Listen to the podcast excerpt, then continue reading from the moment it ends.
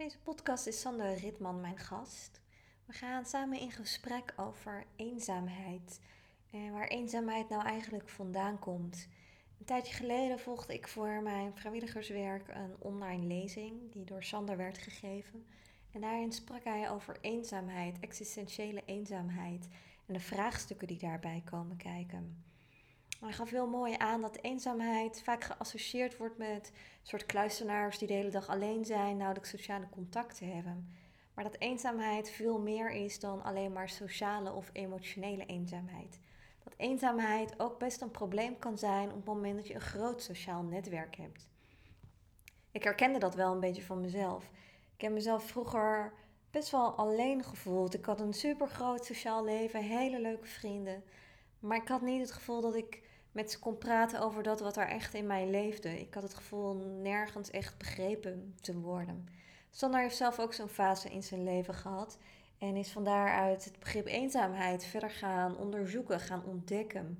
En nou werkt hij met mensen die kampen met eenzaamheid. In deze podcast gaan we dan ook in gesprek over eenzaamheid. Wat is dat nou eigenlijk en hoe kun je daarmee dealen? Ik denk zo in deze tijden van lockdown een hele relevante podcast waarin we ingaan op vraagstukken waar we vroeg of laat allemaal mee worden geconfronteerd. Welkom, leuk dat je luistert naar het podcastkanaal van Everything is Oom. Mijn naam is Sabrina Souban en in deze podcast ga ik in gesprek met inspirerende Nederlanders. Mensen die iets doen of die iets hebben meegemaakt waar wij met z'n allen nog een heleboel van kunnen leren. Mensen die de wereld een beetje mooier maken door wie ze zijn of door wat ze doen. Wanneer je de podcast zo meteen beluisterd hebt en je hebt dat gedaan in iTunes, dan zou je me ontzettend helpen om 5 sterren te geven, zodat nog wat meer mensen deze podcast kunnen beluisteren. Elke twee weken komt er een nieuwe aflevering online.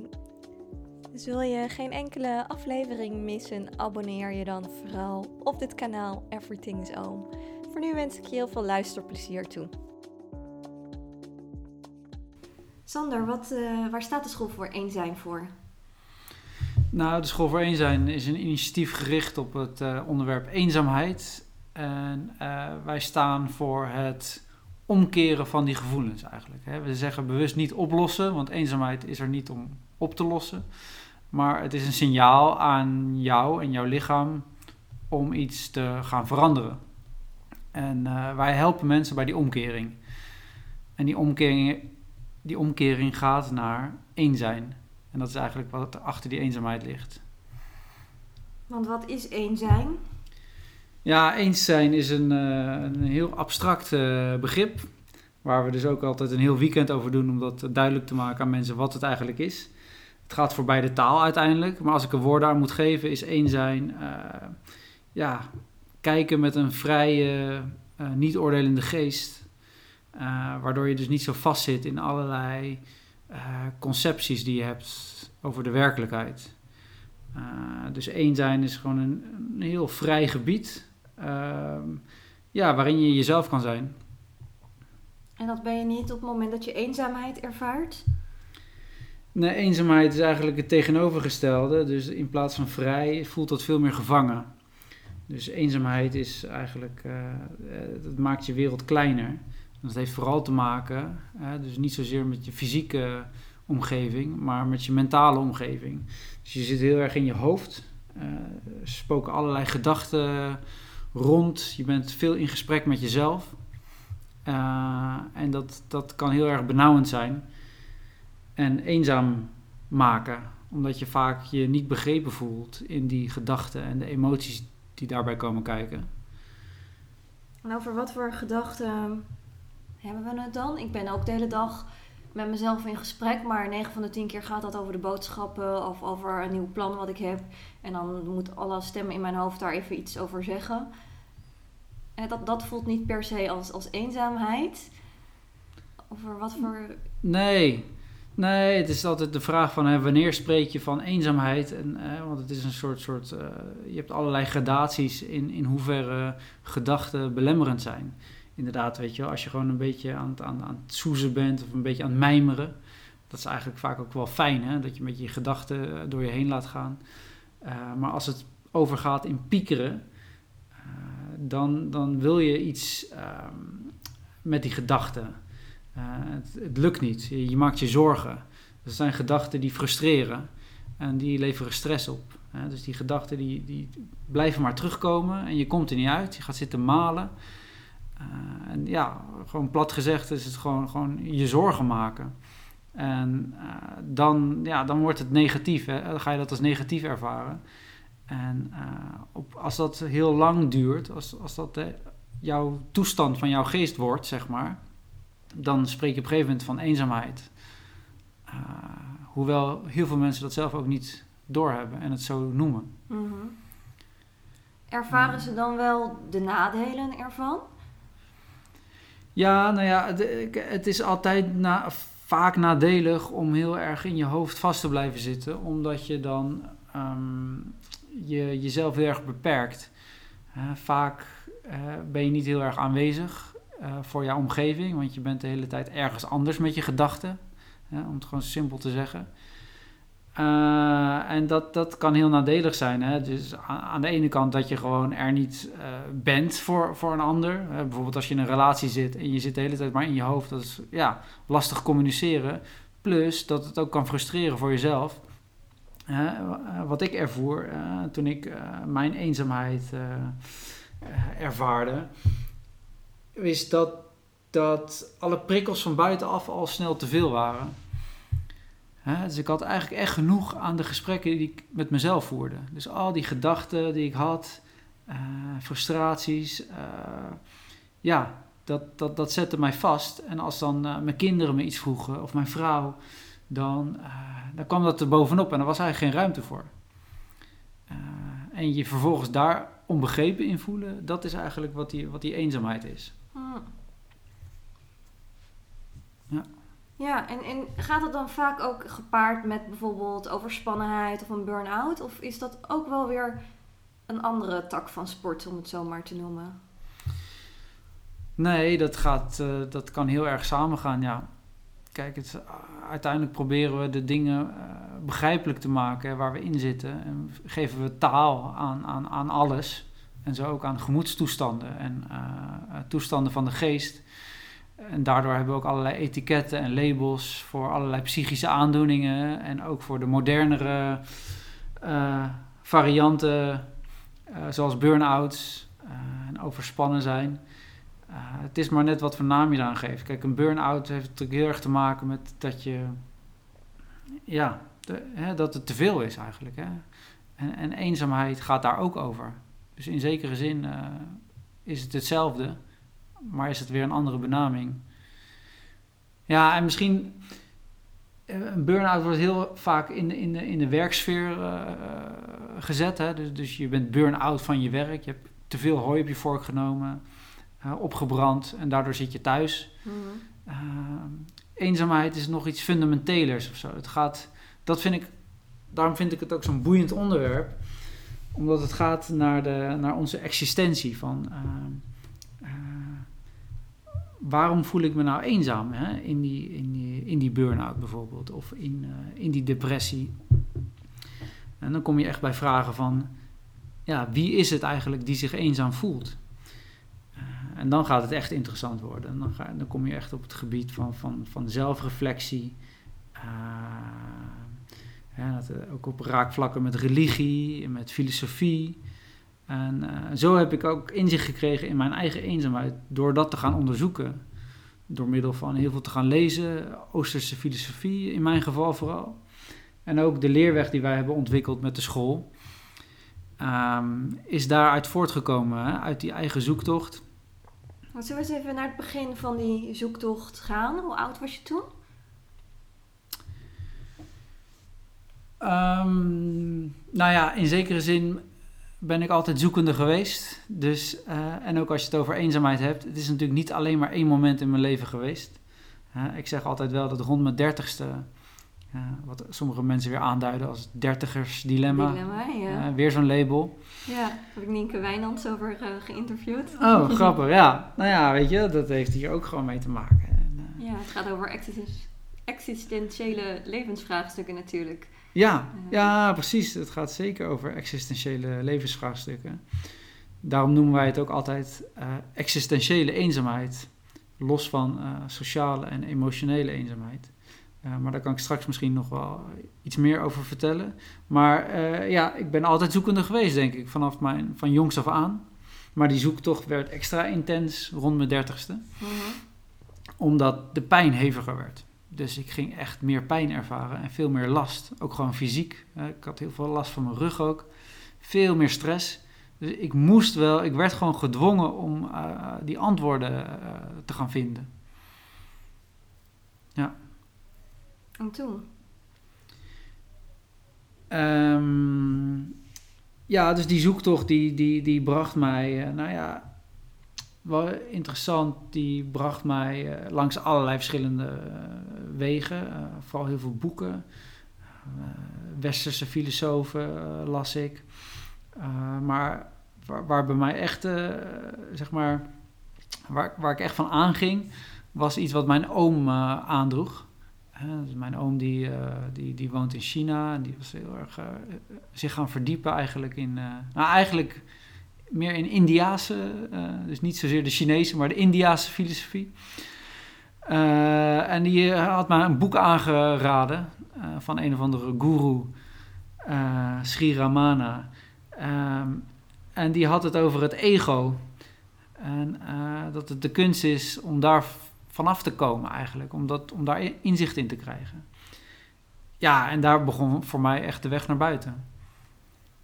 Ja. Want wat gaf je dat jou voor inzicht? Ja, dat ego loslaten is nog best iets abstracts. Ja. Hoe dan en waarom dan? Nou ja, dat gaf mij het inzicht dat dat ik inderdaad mezelf uh, helemaal had vastgezet in allerlei ideeën die ik had over mezelf en over mijn omgeving, over de wereld, hè, om het even groot uh, te trekken. Wat waren dat een beetje voor ideeën? Nou, wat ik altijd als voorbeeld geef, um, is dat ik heel erg um, me vastklampte aan een bepaald beeld van mezelf. En uh, geef ik vaak het voorbeeld van, van mijn schrijverschap. Uh, aan het einde van mijn studie had ik voor mijn gevoel mijn werkelijke passie gevonden. En dat was een soort openbaring. En daar hechtte ik gewoon zoveel waarde aan. Dat was echt mijn droom. En uh, dat was dichter zijn. Hè? Ik ging heel veel schrijven en optreden ook in kroegjes. Toen dacht ik, ja, dit is waarom ik hier ben. Dit moet ik doen. Nou ja, gaandeweg ging mijn leven verder. Uh, ik moest naast mijn dichterschap een baantje erbij doen. Ik ging werken in de thuiszorg. Eigenlijk werk wat zwaar onder mijn niveau was, maar wat ook weer inspiratie opleverde voor die gedichten en die verhalen die ik ging schrijven. maar ja, ik leerde mijn vrouw kennen, ik ging trouwen, ik kreeg kinderen. en op een gegeven moment raakte dat dichterschap steeds verder uit beeld. Want ik was aan het opleven aan verwachtingen ook van anderen. er moest geld op de plank komen, er moest een dak boven het hoofd, mijn kinderen uh, moest ik ook verzorgen. En op een gegeven moment had ik, had ik het gevoel dat ik alleen nog maar aan het zorgen was eigenlijk. Hè. Ofwel voor mijn kinderen, ofwel voor de ouderen in de thuiszorg, of voor mijn vrouw.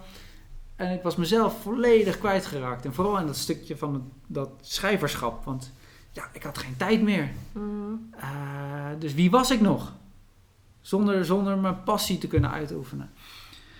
Nou ja, de inzichten die ik kreeg vanuit uh, India dus eigenlijk. Vanuit die guru was van ja, dat is niet wie jij werkelijk bent. Weet je, eigenlijk heb ik mezelf dat wijs gemaakt eh, dat schrijven, dat past wel bij me. En nog steeds. Maar door jezelf een schrijver te noemen, zet je jezelf ook heel erg vast in een hokje. Want het leven vraagt om uh, flexibiliteit. En die had ik niet meer.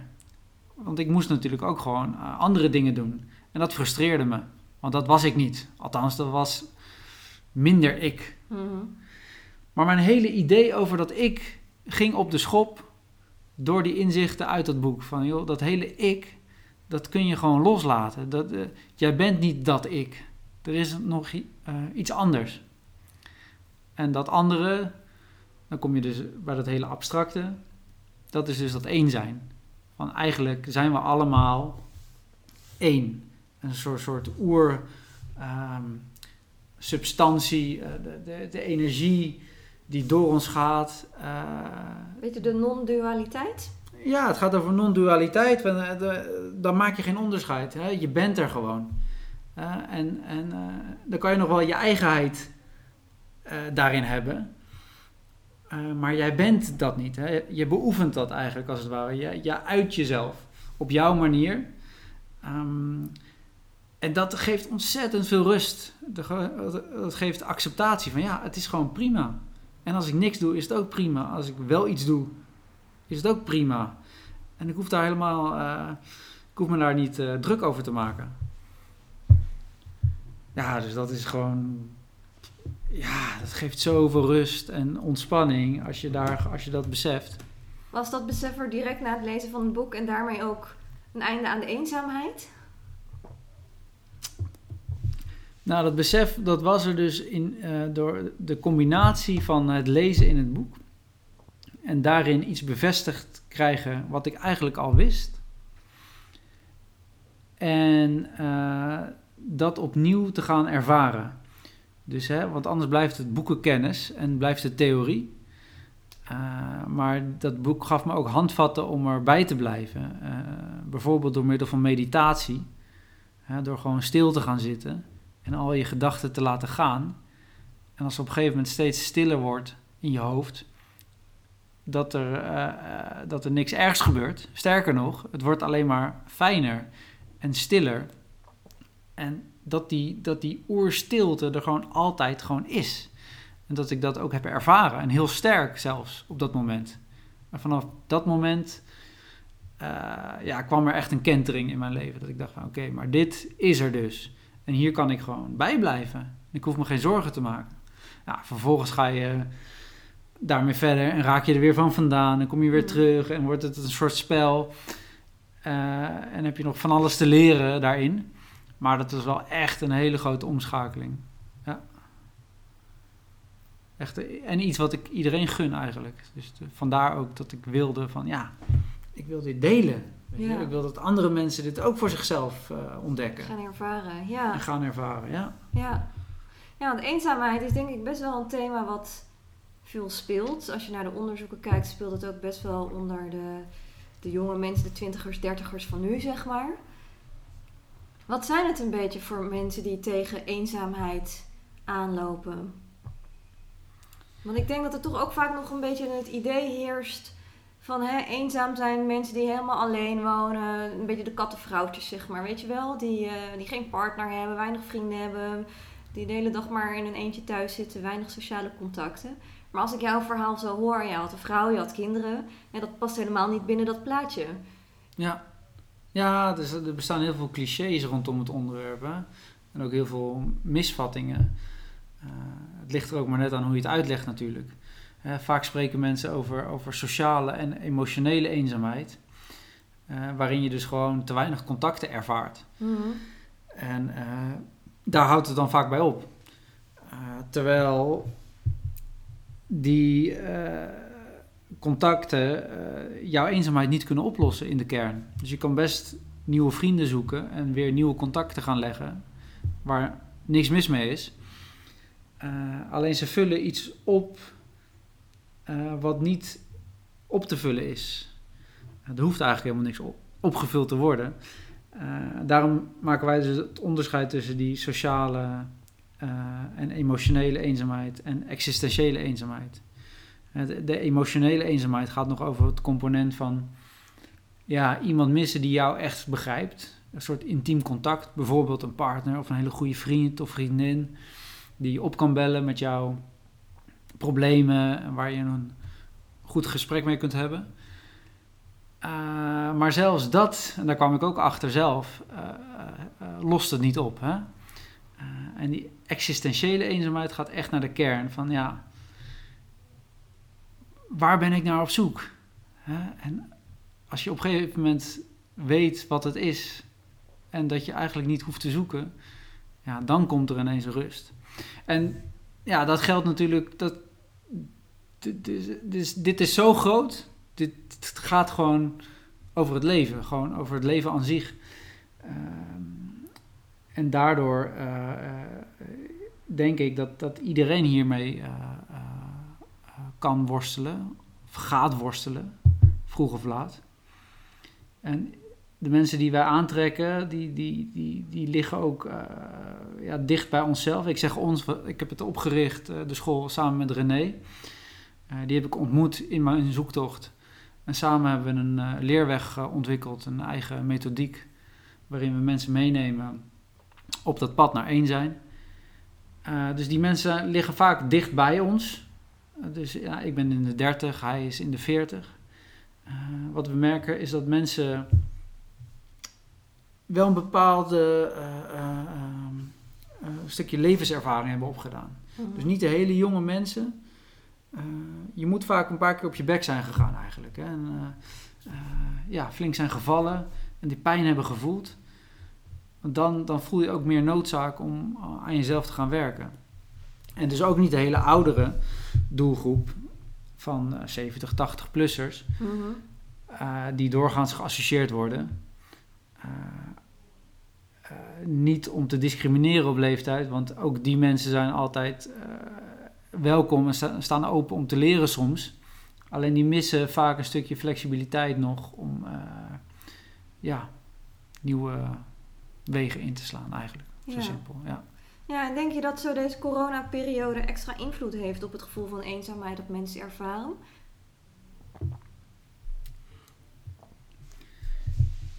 Ja, er, zijn, er zitten twee kanten aan. Uh, we hebben ook heel veel gepraat over dit onderwerp uh, vanuit de School voor Eenzijn. Uh, ik vertelde jou van tevoren al, voordat we begonnen met het interview, dat we veel livestreams hebben gedaan.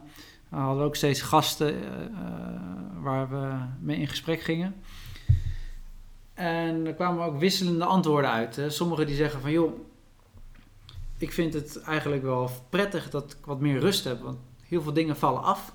Mm Dat maakt het leven ook overzichtelijker. Ik ben meer thuis, wel meer alleen. Maar ik ervaar ook meer rust in die alleenheid. En dat is de, dus weer geen eenzaamheid. Dat is gewoon prettig alleen zijn. Terwijl anderen uh, vaak wat meer extraverte uh, mensen weer denken van ja, ik mis die eh, sociale contacten, ik mis dat bruisende, ik mis ja. het feestje. Het, zijn mensen die misschien ook heel erg opladen aan het zijn met anderen en ja. de gezelligheid en het ja. humor. En die, en die missen dat heel erg en die voelen zich dus, dus wel eenzaam als ze alleen zijn. Ja. Dus het, het kan twee kanten op. Ja, ik heb wel het idee dat eenzaamheid sinds deze coronatijd wat meer bespreekbaar is geworden. En je ziet het in de media ook meer terugkomen in mijn beleving. Maar ook, ik merk het ook in trainingen, dat, dat eerder werd dat nog wel eens gezegd, maar dan echt een beetje aan het eind van de training en dan heel voorzichtig. En dat dat nu eigenlijk vaak al in het begin van de training is dat mensen eigenlijk uitspreken van ik voel me best wel heel alleen. Zeker mensen die dan ook alleen wonen. Dus dan, ben je, dan heb je misschien ook wel meer die sociale eenzaamheid erbij. Ja. Maar waardoor er dus ook meer ruimte ontstaat om na te denken over al die grote levensvraagstukken. Want als er niet continu allerlei prikkels zijn die verwerkt moeten worden. Ja.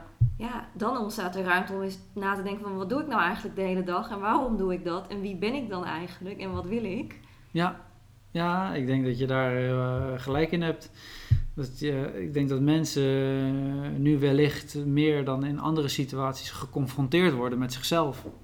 Als je maar doorraast en doorgaat, uh, dan is er inderdaad, wat je zegt, geen ruimte om uh, daarover na te denken en stil te staan bij jezelf. En uh, nu dus wel. Het is ook net als, als mensen op, op vakantie gaan. Hè? Dat is ook vaak dan, dan valt alles van zich af en dan juist vinden ze het heel moeilijk om te ontspannen. Hè? Die eerste week bijvoorbeeld. Mm. Al die dingen verwerken. En nu duurt die eerste week van die vakantie wel heel erg lang natuurlijk. Dus ja, het is het, eigenlijk een kans dit voor heel veel mensen. Die ik uh, zou aangrijpen ja. als ik mensen was. Ik denk het ook. Ik denk dat het een heel mooi moment is. Je krijgt het eigenlijk een soort van cadeau, zou ik willen zeggen. Ja. Om echt in stil te staan en uit die hele race te stappen, maar echt weer eens terug te komen bij de basis wat doe ik hier? En waarom doe ik eigenlijk wat ik altijd maar aan het doen ben? Welke intentie zit daarachter? En is dat iets wat ik maar doe omdat dat blijkbaar de verwachting is? Of is dat iets wat er maar echt een intrinsieke motivatie aan zit. Maar als ik zo Ja. ook wel om me heen kijk, dan zie ik ook dat heel veel mensen dat ontzettend angstaanjagend vinden. En daar heel Ja. hard voor wegrennen. Ik moet wel zeggen, ik ben hier zelf ook al echt, nou, sinds mijn achtste of zo wel actief mee bezig met filosofie. En de vraagstuk wie ben ik, wat wil ik, waarom. En nou ja, dat zeg maar, wat is de zin van het leven. En dat ik nu eigenlijk pas echt vrienden heb die daar ook interesse in krijgen. En die nu naar me toe komen en zeggen, oh, nou snap ik eigenlijk waar je altijd mee bezig bent geweest. Laten we het er eens over hebben. Maar ik zie ook wel dat een heleboel er heel hard voor op de vlucht gaan. Ja, laten we maar een groter huis kopen. Laten we maar eens even na gaan denken over kinderen of nog meer kinderen. Eh, ja, oh ja. een nieuw bedrijf starten misschien wel. Ja, ja, ja, ja, ja, heel herkenbaar, ja.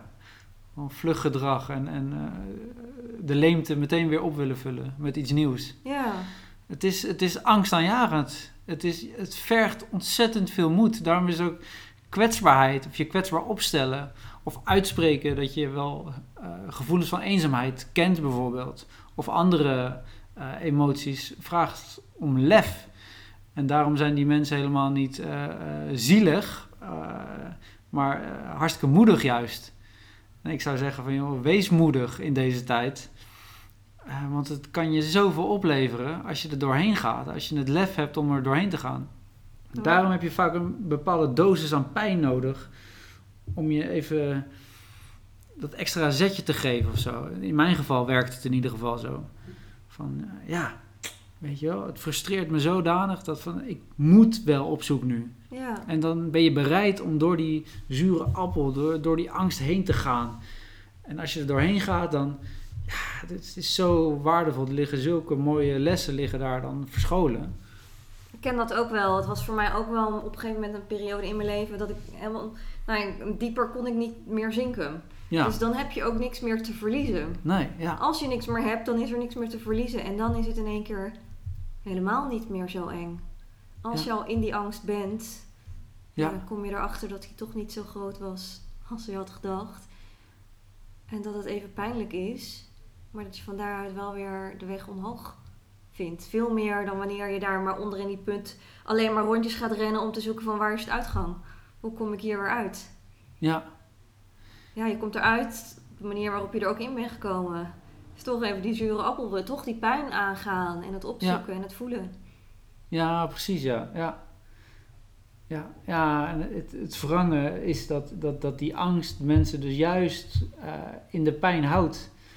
Dus als je, als je het niet er doorheen gaat, als je het dus niet accepteert hè, en, en eh, onder ogen eh, wil komen, dan blijf je dus vluchten en blijf je dus steeds die leemtes en die leegte opvullen met nieuwe dingen, verslavingen, alcohol, Mhm. eten. eh, of ik bedoel excessief eten, of heel, veel slechte dingen eten, en, eh, de, de, heel veel relaties aanknopen. Eh, dan, dan, dan, eh, dan, dan blijft er een soort krampachtigheid, dan blijft er pijn, blijft, eh, die gaat zich manifesteren in je lijf. Terwijl inderdaad in het loslaten de, de ligt de bevrijding inderdaad. Ja. Ja, Maar ja, in theorie is dat makkelijk ja, gezegd. ja. Als iemand dit zo hoort en die denkt, ja, ik zit inderdaad wel daaronder in die put en ik, ik ben wel bereid om die pijn aan te gaan. Wat is daar dan een eerste stap in die mensen kunnen zetten? Want vaak is het achteraf dat je denkt, oh ja, zo is dat allemaal in Ja. elkaar. En achteraf is het makkelijk praten natuurlijk. Maar als je er middenin zit, ik weet nog hoe eenzaam dat dus voelde. ja. En waar begin je dan in hemelsnaam? Ja, nou ja, bij de school voor één zijn. nee, nou ja, eh, in principe wel natuurlijk. Maar eh, los daarvan, eh, het begint met nieuwsgierigheid, denk ik. Dat, dat, dat, dat, je, de, dat je gewoon op zoek gaat. Ehm, en dan op zoek ook buiten de gebaande paden. Dus de dingen die je altijd hebt gedaan, ja, die werken blijkbaar niet. Want die heb je altijd al gedaan. En blijkbaar hebben ze je niet verder geholpen. Dus weer een ander perspectief. Ja, dus in mijn, in mijn eh, geval was die Oosterse filosofie. Dat was voor mij echt een verademing. Een hele nieuwe taal en veel simpeler en duidelijker dan, dan eh, westerse intellectuele oefeningen en, en teksten dat, dat, ja, waar je doorheen moet worstelen. Eh, het gaat ook om een soort simpelheid in de kern. Het is helemaal niet ingewikkeld. Mm, ja, en daarvoor moet je toch bereid zijn, inderdaad, om, om, eh, om jouw ego, eh, die het allemaal denkt te weten, Mhm. even een beetje los te laten. Dus begin maar bij jezelf. Begin bij dat ego. Dat te onderzoeken. Wie ben ik? Ja, en hoe vind je het antwoord op die vraag, wie ben ik? Ja, dat, dat, dat is. Dat is, dat is ehm, in eerste instantie vind je dat heel erg in ontkenning. Hè? Van, van, van, eh, je bent vooral heel veel niet. Mhm. Want als je er allemaal dingen gaat opnoemen, hè, van, van, van, eh, je bent misschien een vader of een echtgenoot, je bent eh, in mijn geval een schrijver, hè, noem maar een beroep, je bent een tennisser of een voetballer. Maar dat zijn allemaal identificaties van eh, dingen die je uitoefent. Ja, allemaal rollen Dus je, bent toch geen voetballer? Als je niet op het voetbalveld staat, ben je geen voetballer. Dus ja, daar houdt het al op eigenlijk.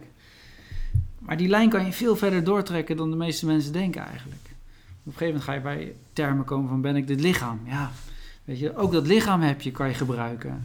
Ja, dan kom je bij bewustzijn. En dat verplaatst zich steeds.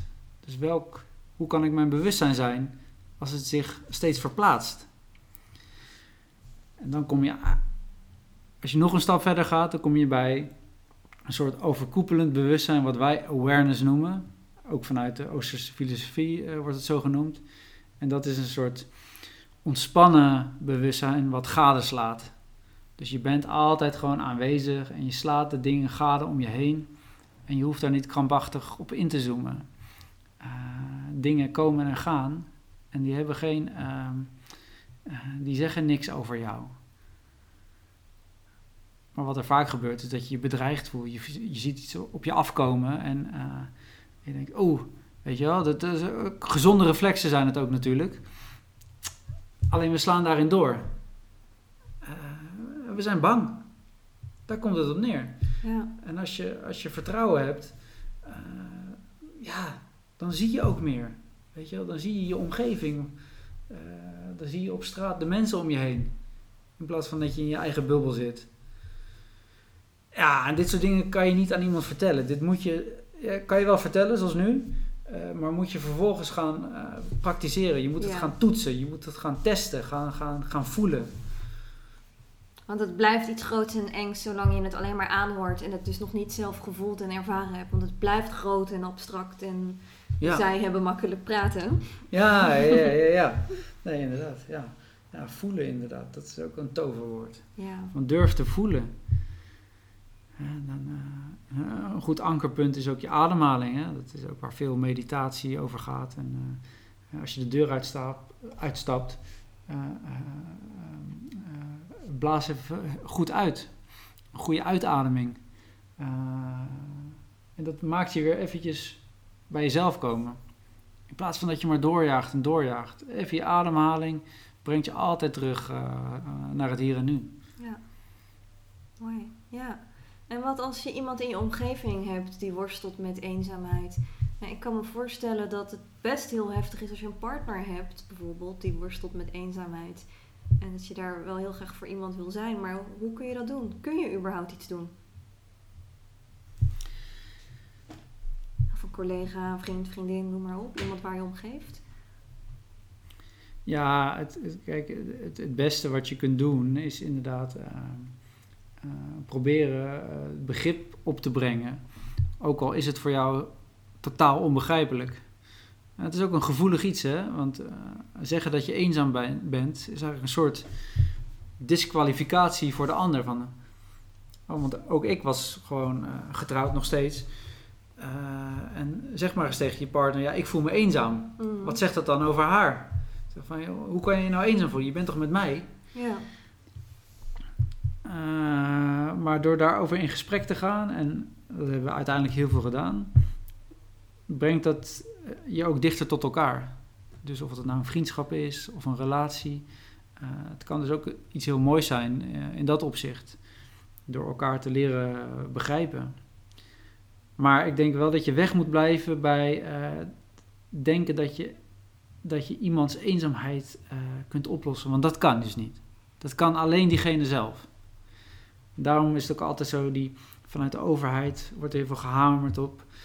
Wees er voor een ander, uh, breng even een kopje soep. Uh, iedereen kan iemands eenzaamheid doorbreken, uh, las ik nu ook. Mhm.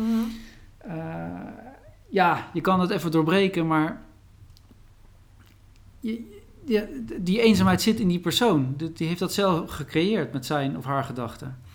Dus dat kan je niet oplossen. ook niet met een kopje soep of een, een luisterend oor. En, ja, dat, dat maakt het ook moeilijk in zekere zin. Ja. Maar ik denk dat het gesprek aangaan al iets heel moois is. Ja. Wat zijn goede vragen om dan te stellen om het gesprek te openen?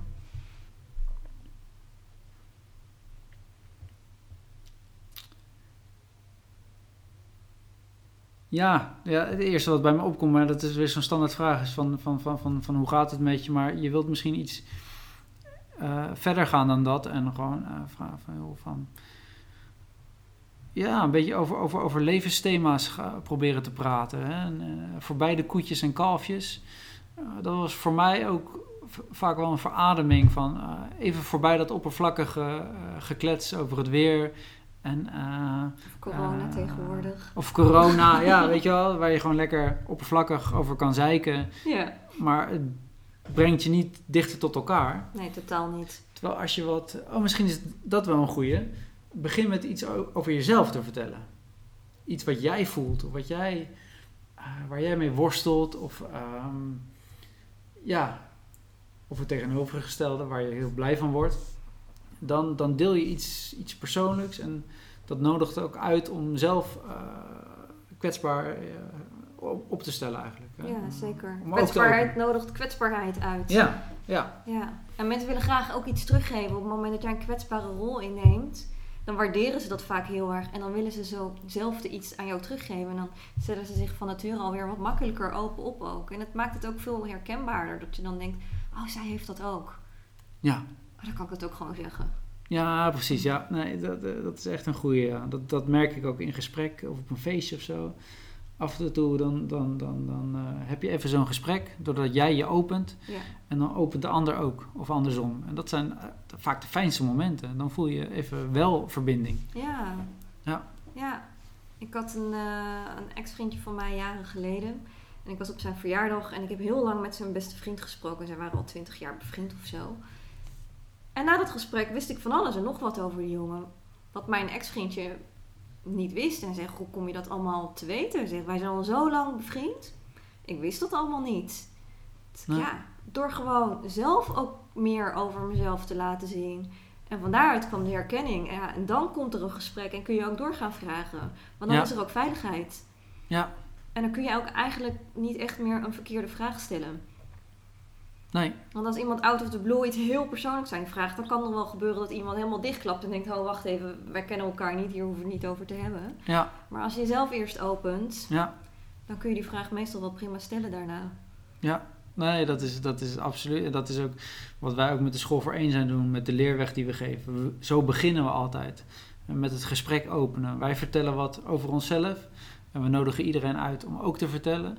En dan begin je met een veilige eh, setting. Hè? Dan, iedereen deelt wat en er is altijd herkenning. Ja. Ieders verhaal is uniek, maar de emoties die eraan ten grondslag eh, liggen, zijn universeel. Ja. Dus eh, het kan niet anders dat mensen zich herkennen daarin. Ja. En dat is ontzettend prettig. En van daaruit gaan we verder. Van ja, oké, maar wat ligt er nou achter? Wat is nou dat één zijn? Mooi. Ja. Als iemand dit zo heeft gehoord en denkt: hé, hey, klinkt wel als iets eh, wat voor mij is. Hoe ziet jullie aanbod eruit? Jullie hebben dan een school in Den Haag, maar hebben jullie Ja. ook een online aanbod? Eh, wat, eh, wat kunnen jullie bieden? Ja, nou ja, ons voornaamste aanbod en waar het ook allemaal mee begonnen is, is de leerweg. Dus dat is de methodiek die ik samen met, René heb ontwikkeld. En dat is één weekend. Dus het zijn twee volle dagen, een zaterdag en een zondag. Waarin we volledig door de hele filosofie heen gaan eh, van wat een zijn is en wat existentiële eenzaamheid is. Eh, er zitten oefeningen in. eh, los van de gesprekken zitten er gewoon daadwerkelijke praktische oefeningen in. meditaties zitten erin. Maar ook aan de hand van eigen ervaringen uit het verleden. Die even ontrafelen en uitspitten. Zodat je echt iets leert over jezelf. En tegelijkertijd is het een groepsproces. Dus je bent met een klein groepje, dus je leert ook van elkaar. En dat maakt het extra bijzonder. Het is geen individueel traject, maar je leert van elkaar. Dus, dus daar eh, kunnen mensen zich voor opgeven. We doen het maandelijks. Dus de volgende is dit weekend al. Dus moet je wel heel snel zijn. Dus, uh, dat is deze uitzending. Ja, dat is al Dus, die nog eh, niet online. nee, nee, precies. Maar op de website staan denk ik wel. En op de website staan alle data. En eh, eh, we hebben ook een online. eh, we hebben onze theorie hebben, we opgenomen in losse filmpjes. Die staan eh, ook op de site. Eh, dus die kan je ook via de site eh, afnemen, inderdaad. Is dat een betaald aanbod? Dat is wel een betaald aanbod. Ja, de eerste module is gratis, dus die kan je gewoon bekijken. We hebben ook een e-book en die is ook gratis, staat ook op de site. En we zijn nu bezig met het ontwikkelen van een eh, jaarprogramma. En die willen we volgend jaar gaan starten. En dat zal een reeks van tien eh, lessen zijn. Oké. En op welke website kunnen mensen meer informatie vinden? Eh www.schoolvooreenzijn.nl Ik zal hem ook in de omschrijving erbij zetten. Ja. Ja, Nee, mooi. mooi. Mooie dingen die jullie doen. Ja, ja Dankjewel dankjewel. voor het delen van je verhaal ook. Graag gedaan. Jij bedankt. Bedankt voor het luisteren naar het kanaal van Everything is Oom. Ik hoop dat je veel hebt opgestoken van deze podcast. Ik ben heel erg benieuwd naar je reactie hierop. Je kunt me altijd een mailtje sturen. info at everything-is-oom.nl Vond je de podcast van meerwaarde en kun je hem aan anderen aanraden? En heb je in iTunes geluisterd? Dan zou je me ontzettend helpen wanneer je een beoordeling van 5 sterren achterlaat. Wil je geen enkele aflevering hoeven te missen? Abonneer je dan vooral op dit kanaal. Voor nu wens ik je een heerlijke dag toe en graag weer tot de volgende keer.